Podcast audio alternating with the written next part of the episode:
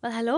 Croeso i podlediad Hans. Um, Hannah Jarman yma nôl. Fel arfer fi gyda chwaer fi, ond tro yma, fi gyda chwaer arall. o, oh, chwaer o Sis fam from another arall. miss. Uh, Mary Beard. Helo, helo, helo. Ie, yeah, a ni yw uh, sgwenwyr Merched Parchus. Ie. Yeah. Um, os na chi wedi gweld Merched Parchus, mae e yn cyfres ar Esbyrrec Click. Um, 8 penod, chwarter awr. Ewch chi watcha fe. Ond mae fe am ferch yn ei egeiniau hwyr sydd, uh, wel mae chariad i'n torri lan gyda i, mae'n mynd nôl i fyw gyda mam a dad. Uh, a mae... Mae obsesiwn mhm. gyda mm -hmm. dydliadau trosedd a mae'n gwrando nhw trwy'r amser a wedyn mae'n dylanwadu meddyliau hi ac yn neud iddi gael ffantasiau eitha gweidlyd ac a erchill. Tywyll, ie. Yeah. iawn. Ie. Oherwydd bod fi a Mari mor obsessed gyda podlediadau true crime, a uh, mae'r prif gymeriad y merched parchus, Caris, mae hi hefyd yn obsessed. Mm -hmm. O'n i'n meddwl bydde fe'n chwer i siarad am true crime heddi. Ni trio meddwl am term Cymraeg. Yeah. Gwir, gwir lofruddiaeth neu gwir drosedd. Ie, yeah, ni jyst yn mynd i galw e'n true crime. Yeah, deal with Sorry. it guys. Yeah, um, don't at me. Y plismona iaith allan yna. We've seen you. Um, yeah. Yeah. A hefyd mm. o'n i'n meddwl siarad am, fel, pam ni mor obsessed gyda clywed y stori yma byth bynnag. Mm -hmm. Fel mae mhm. mae yna surge anferth wedi bod gyda fel documentaries Netflix, um, a'r hefyd fel y, y, pan oedden ni'n dechrau gwrando ar podcasts True Crime, fi ddim mm. yn meddwl gymaint a sy'n na nawr. Mae'n teimlo no. nawr bod ti'n gorfod really... mae pawb yn neud nhw. O'n i'n neud e cyn bod yn cool hana. Felly, beth ti'n meddwl dylen ni um, alw yr podlediad yma, Mari? Wel, wel nath ni feddwl genod gweidlyd, ond ar ôl meddwl, mae'n swnio bach yn period i. Fi'n gwybod, ond mae Merched Parchus yr un o'r cyfresu mwyaf period i fi erioed wedi gweld. okay. So I reckon roll with it. Okay. Own it. Claim it back. Just claim this period back. Oh my god. Ymunwch yeah. gyda ni, oedd os nesaf, genod gweidlyd. Na, fi'n deffo genod gweidlyd. okay. Yeah okay, good. Felly, bwysig cyn i ddechrau siarad am true crime, dwi'n meddwl bod ni eisiau gweud bod ni ddim uh, yn trio sensationalise o, um, ti'n gwybod, uh, troseddiadau Ted Bundy neu unrhyw llyfrwyr eraill. Yeah. Um, a to, dim hero worship yw hwn. Dyn ni'n yeah. eisiau trafod pam dyn ni mor fascinated a pam dyn ni efo diddordeb yn yma. Ie, yeah, mae'n bwysig gweud hwnna. Mae'n ma un o'r pethau ni'n um, meddwl amdano lot pan ni'n trafod y pethau yma. A hefyd, wrth gwrs, os ydych chi ddim really mewn i'r math yma mm. bethau, ddim, ni'n mynd i siarad amdano pethau really erchill. Um, ond, ie, yeah, falle yeah. stopwch gwrando nawr. Ond hefyd, fel, y peth pwysig i fi yw bod ni'n cofio am y pobl sydd wedi marw a wedi mm -hmm. bod trwy'r pethau erchill yma. Hmm. Ie, Mm. Yeah, so pan mae ganddyn ni'r obsession yma gyda trosedd, troseddau gwir? Rydw just weid true crime, ie, achos, ie. Wel, sa'n rili really gwybod, mae'n rili really odd, ond fi wastad i bod yn eitha fascinated gyda um, y newyddion a pethau fel yna. Mm -hmm. A fi'n meddwl bod hwnna wedi transferio pan o'n i yn oedolyn i fynd yn really... Fi wedi bod yn eitha obsessed gyda nhw am ages ddo, ti'n bod? Yeah. Watch y documentaries ar, ar YouTube o'n i arfer wneud. Yeah. Um, a fi'n gwybod, mae just, mae fe'n rili really ddiddorol edrych ar yr aspect tywyll yna o fywyd. Mae'n eitha morbid. Ydy mae, e, ond o'n i'n darllen um, rhywbeth sa'n gwybod, neu gwrando rhyw podcast am that person. Ond um, oedd gweud taw yn gyffredinol menwod sydd yn rili really mewn iddo fe. Yeah. A mae'n ma ddiddorol i fi pam fel fi'n meddwl bod gennym ni gymaint o ofyn ni eisiau clywed y pethau gweitha sy'n gallu digwydd i bobl. Mm. Fi ddim yn meddwl bod dynion efo'r un fel ti'n modd, ni, ni ddim yn mynd i gerdded adre yn y nos ar ben ein hunain, mm. achos mae hwnna'n threat i ni. So, Ydy. lle ma, so wrth gwrs ni eisiau clywed yma storiau yna. Ydy. Lle mae fe'n falle llai ddynion, achos maen nhw ddim gorfod poeni gymaint am y pethau. Men, mae menwod yn gorfod poeni amdano? Ie. Yeah. Er, ond er, mae dynion yn cael eu lladd mwy. Ie. Yeah. Nes i weithio'n ddeteddi, so mae'n rili really ddiddorol. Yn ystadegol, dynion sy'n cael eu lladd mwyaf. Yeah. Ond mae fe, os edrych ydi ar unrhyw true crime neu, ti'n gwybod, unrhyw ddrama, mm. menwod sy'n cael ei bob tro, a fel arfer maen nhw'n rili really bert a rili really ifanc. Yeah. So, ti'n gwybod, mae fe'n fi'n meddwl bod e'n bod e yn yn subconscious ni i fod yn eitha ofn trwy'r adeg. A mae fe bron yn grand yr holl beth yma. Ti'n fel, oce, okay, fi angen gwybod popeth fel bod fi ddim yn, yn cael fy yn y sefyllfa yna. Ie. Yeah. Ti'n gwybod? Ie, yeah, fi'n meddwl. Ond um, ni di oedd un o'r, um, yn, yn penod chwech o Merch y Parchus, mm -hmm. mae un o'r um, ffantasi y Macaris yn cael yw um, ffantasi sydd wedi cael ei... Loosely based, very loosely, loosely based. loosely based. um, a'r Ted Bundy, mm. a'r ffordd oedd e'n ymosod ar ymosod ar lladd, menod mm. ifanc.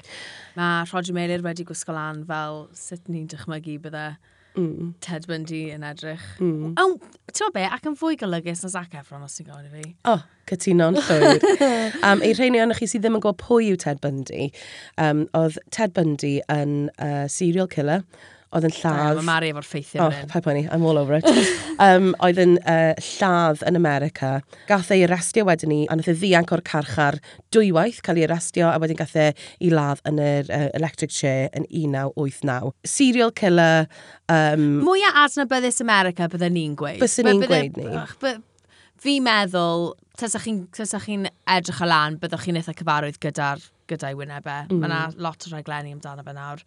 Um, a nath e, mae e, Mae wedi lladd mwy na 30 o benod, ond dyna, be, dyna bam faint nath e fe lawr am tri, nath lladd e 30. Nath e gyffesu i 30. Na ni. Um, dyn ni ddim yn gwybod, ti'n gwybod, fel gymaint o'r serial killers ma, ti ddim yn gwybod faint beth yw'r beth yw rhif go iawn, os maen nhw'n gorddweud, yeah. neu ti'n gwybod. Fi'n edrych nawr, mae yna rhestr ar Wikipedia o'r holl lefel. Florida, oh, of classic, course. Of course wrth gwrs. Tyma be, pam, pam Ti'n ti clywed stori, reit, amdano rhywbeth horrendous mae dyn yn America di wneud. Ti jyst yn gwybod yn syth bin. Oh, Florida. O oh, ie, yeah, nath o ddigwydd yn Florida. Wrth gwrs, pam tybed? Ti di roi um, fewn yn Google erioed, Florida man, a diwrnod y fe blwydd.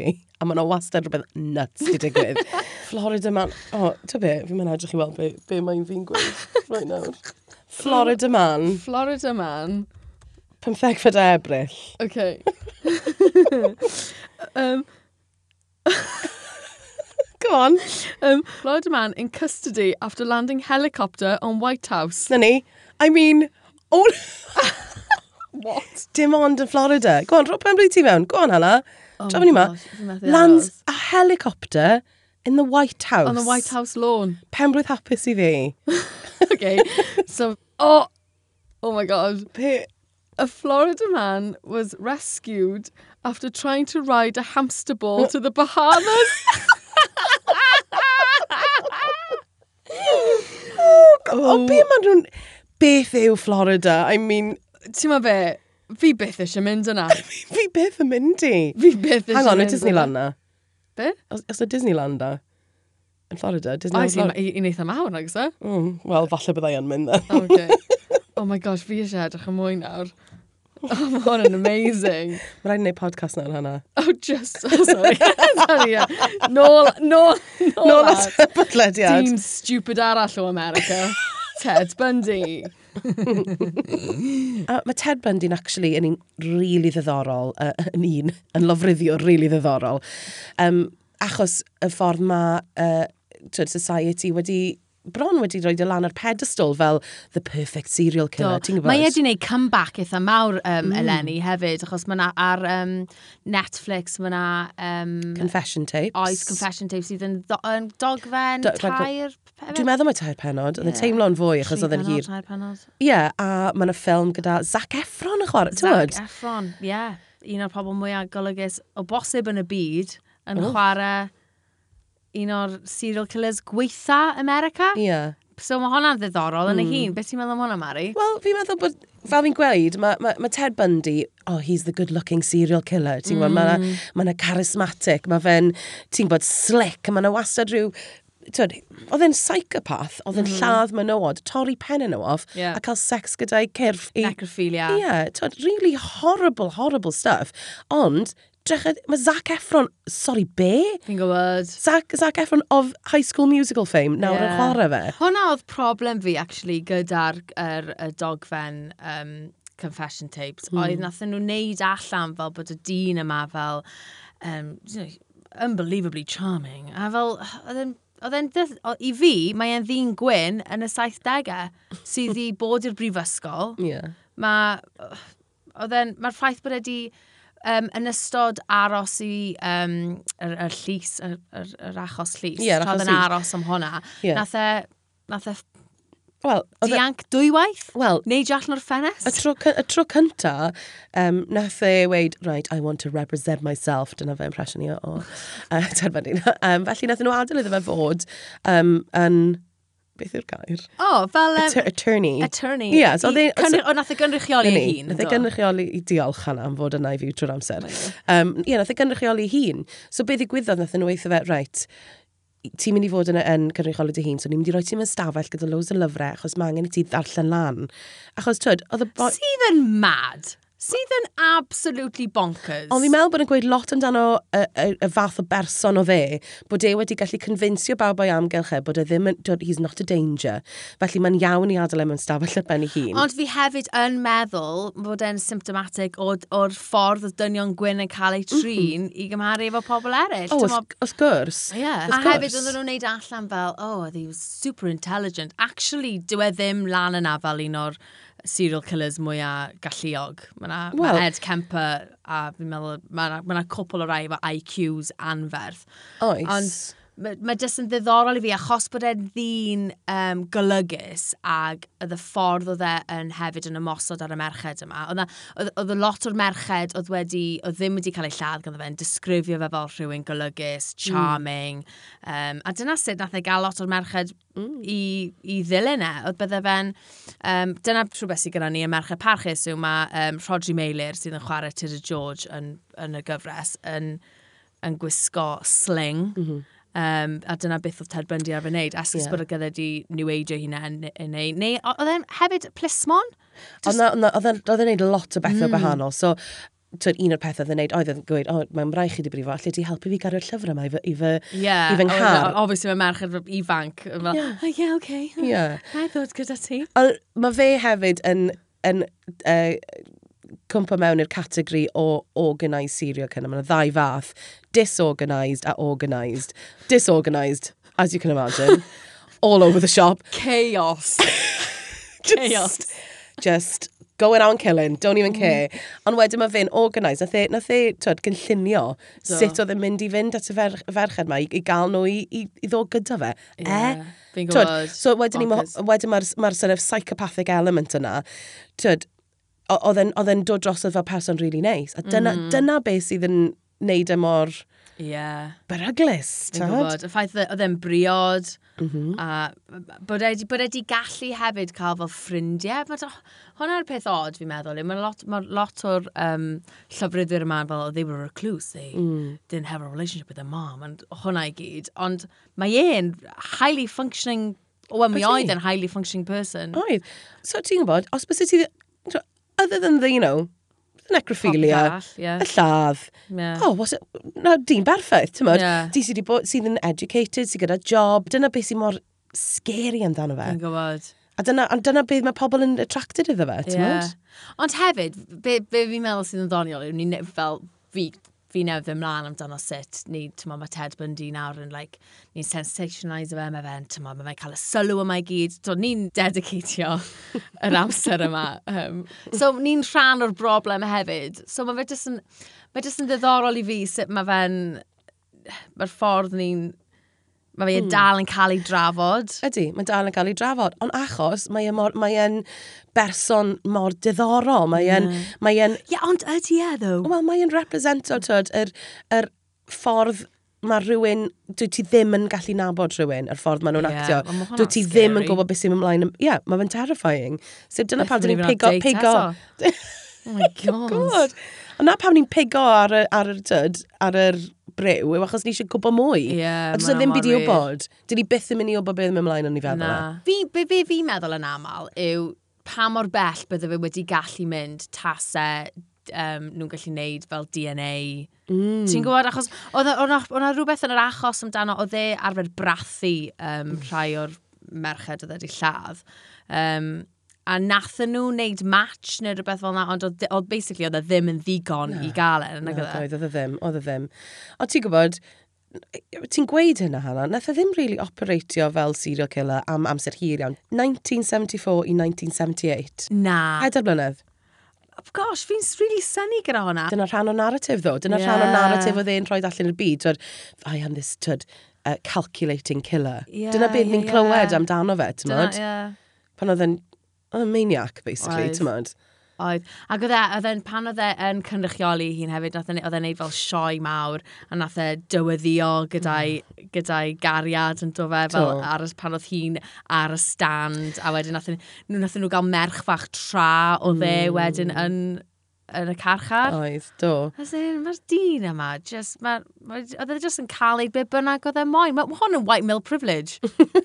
At his worst. Dyna beth yw e. So, oh, mae'n beyond. Oedd y dyn yn gallu cerdded o gwmpas y cwrt ar ôl lladd 30 o fenwod, really, really afiach, a oedd e dal oedd e'n cael wneud hwnna. Hon, oedd, that was his right. Well, ond that is the right of pob un sydd yn America hefyd, ti'n modd. Ond y gwahaniaeth hmm. yw, um, o'i... Mm. Hala, gawn ni weld. Ond y gwahaniaeth yw bod o, o da fe ddigon o hyder bod e'n mynd i allu wneud hynna. A bod e, achos oedd e'n meddwl bod e'n lot fwy um, tywed, galluog na unrhyw un oedd e'n y safell na. Ie. Yeah. Nath e hefyd beio pornograffi am pam oedd e'n... To. Neu, basically, oedd oedd e'n chwilio am pornography really um, hardcore, a wedyn pan oedd e ddim yn gallu ffindo be oedd e moyn, oedd rhaid iddo fe mynd off a neud ei. As in, mae'r ma dyn yn ma. Like... Ti'n fel, okay then, okay then, Ted Bundy.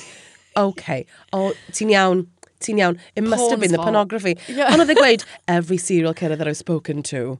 Yeah, hwnna honna sy'n crack o fi na. I've spoken to a few, a maen nhw gyd yn gweud. Mae nhw pawb porn o dda. Pawb gweud, e, mae porn o dda, tol. Yeah.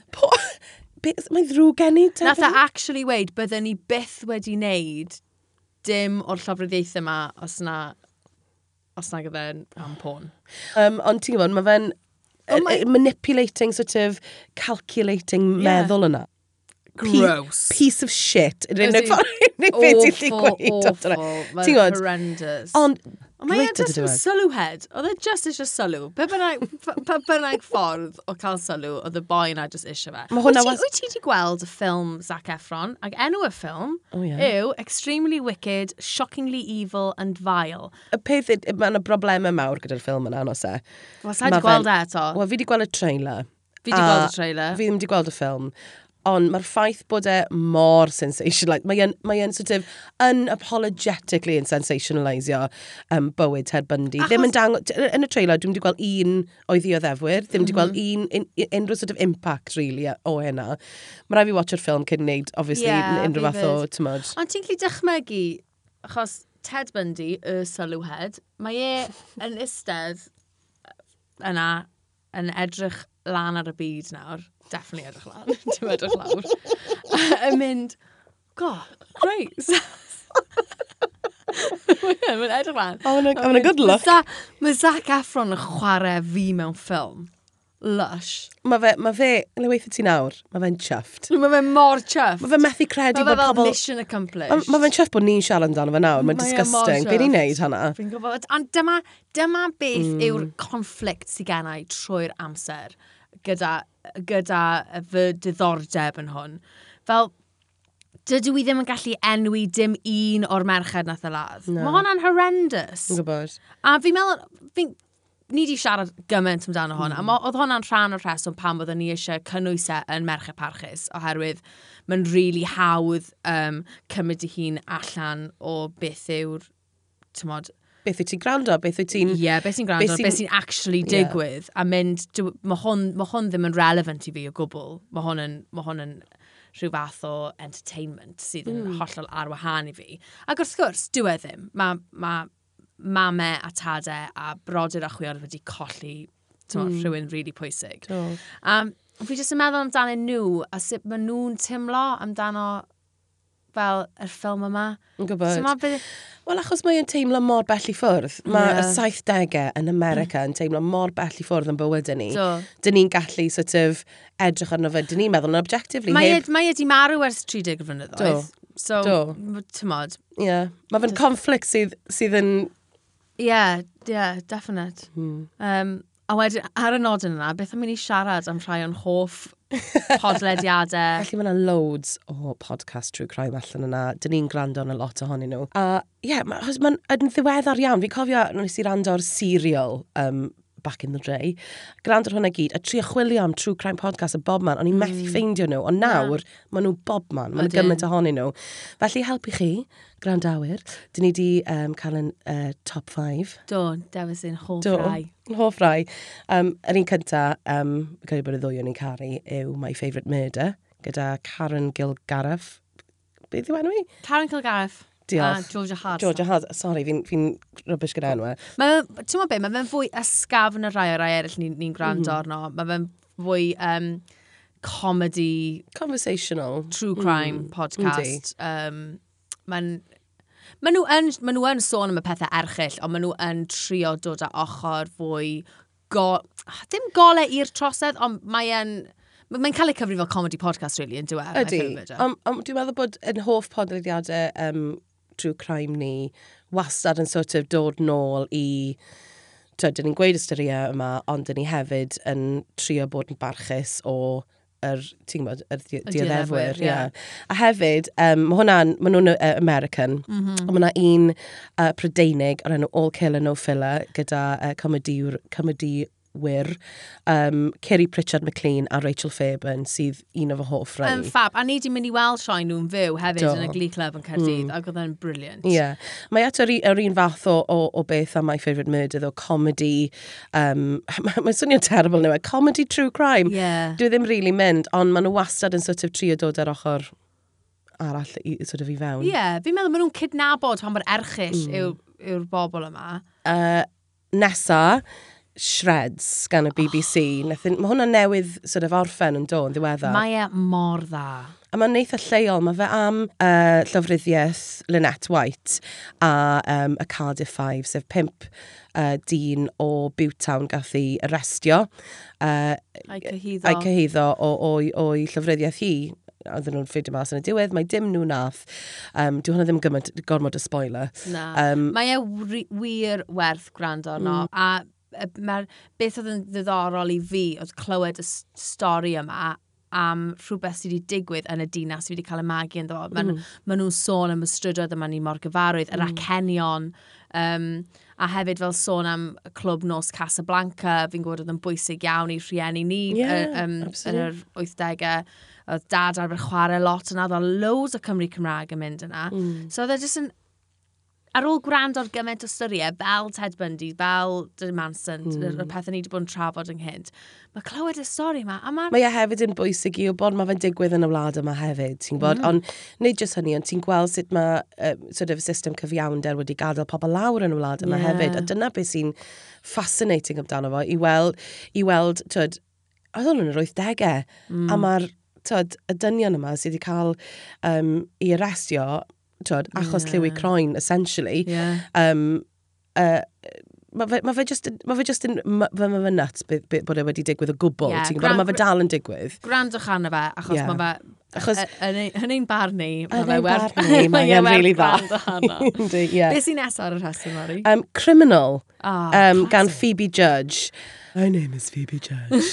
my, is she's got a very, very sexy voice. Oh, man. Mae llais really sexy gyda. Oh, oes. Yeah. Ond mae hwn, mae ma yr ersydyf y troseddau mae hi'n trafod yn y pod, podlediad yna, bach yn mwy sort of gallu bod yn bach mwy ysgafn. So. Ie, yeah, mae yna fwy, ma fwy o gymysgedd yna yn does mm, gyda hmm, hi. Oes. Ond, Dwi ddim wastad am, am sort of llofruddiaeth, mae fe am lot o bethau gwahanol fel um, yeah. pobl yn dwy'n uh, darn o gareg o Hawaii sydd yn um, illegal, yn gwybod? What? A mae fe'n mm. ma fe really ddiddorol. Ydy, um, mae'n ma gret. Ydy. Fi'n really joio'r un yna. Mm. Mae hi'n gret. Ydy. Ond nath ni sylwi hefyd pan oedden ni'n um, neud y rhestr yma, menwod sydd yn neud yr... Wel, yr ei gorau. Fi'n gwybod. Which brings us to... Serial gan uh, Sarah Koenig. Um, Mor dda. Hwna naeth gael fi mewn i rando ar podcast full stop. A fi, o'n i'n stuck yn theatre club. Ddim stuck, yn gweithio yn mwynhau fy amser yn y theatre. Ond yn y wythgrig, does dim lot fawr i wneud pan ti ar ben dy hun efo dim car. Ac um, nath hwnna really helpu fi. Ond dwi e eto ddim yn sort of serial killer. Blah, Na. Blah, blah. Mae fe yn um, investigation am lofryddiaeth um, oedd i digwydd sawl mlynedd ynghynt. A hwnna, mm. beth dyna beth oedd peth diddorol amdano fe yw, ti'n sys o rywun yn gofyn i ti, beth oedd ti'n neud ar y 12 o ebryll, 1997? Yeah. Ti fel, uh, fi ddim yn gwybod. Like, no, yeah, Hwnna'n rili really diddorol. A mae'r elfen yna eto o nath y person sydd wedi mynd i'r carchar amdano fe, nath nhw'n neud e. A fi hi'n... dal ddim yn siŵr i nawr. Wel, dyma'r peth, fi ddim chwaith. Oh, mae mor dda, chi yn gwrando ar hwnna hefyd. Os mm. nag ych chi wedi, ble chi wedi bod, achos mae hwnna'n hen nawr.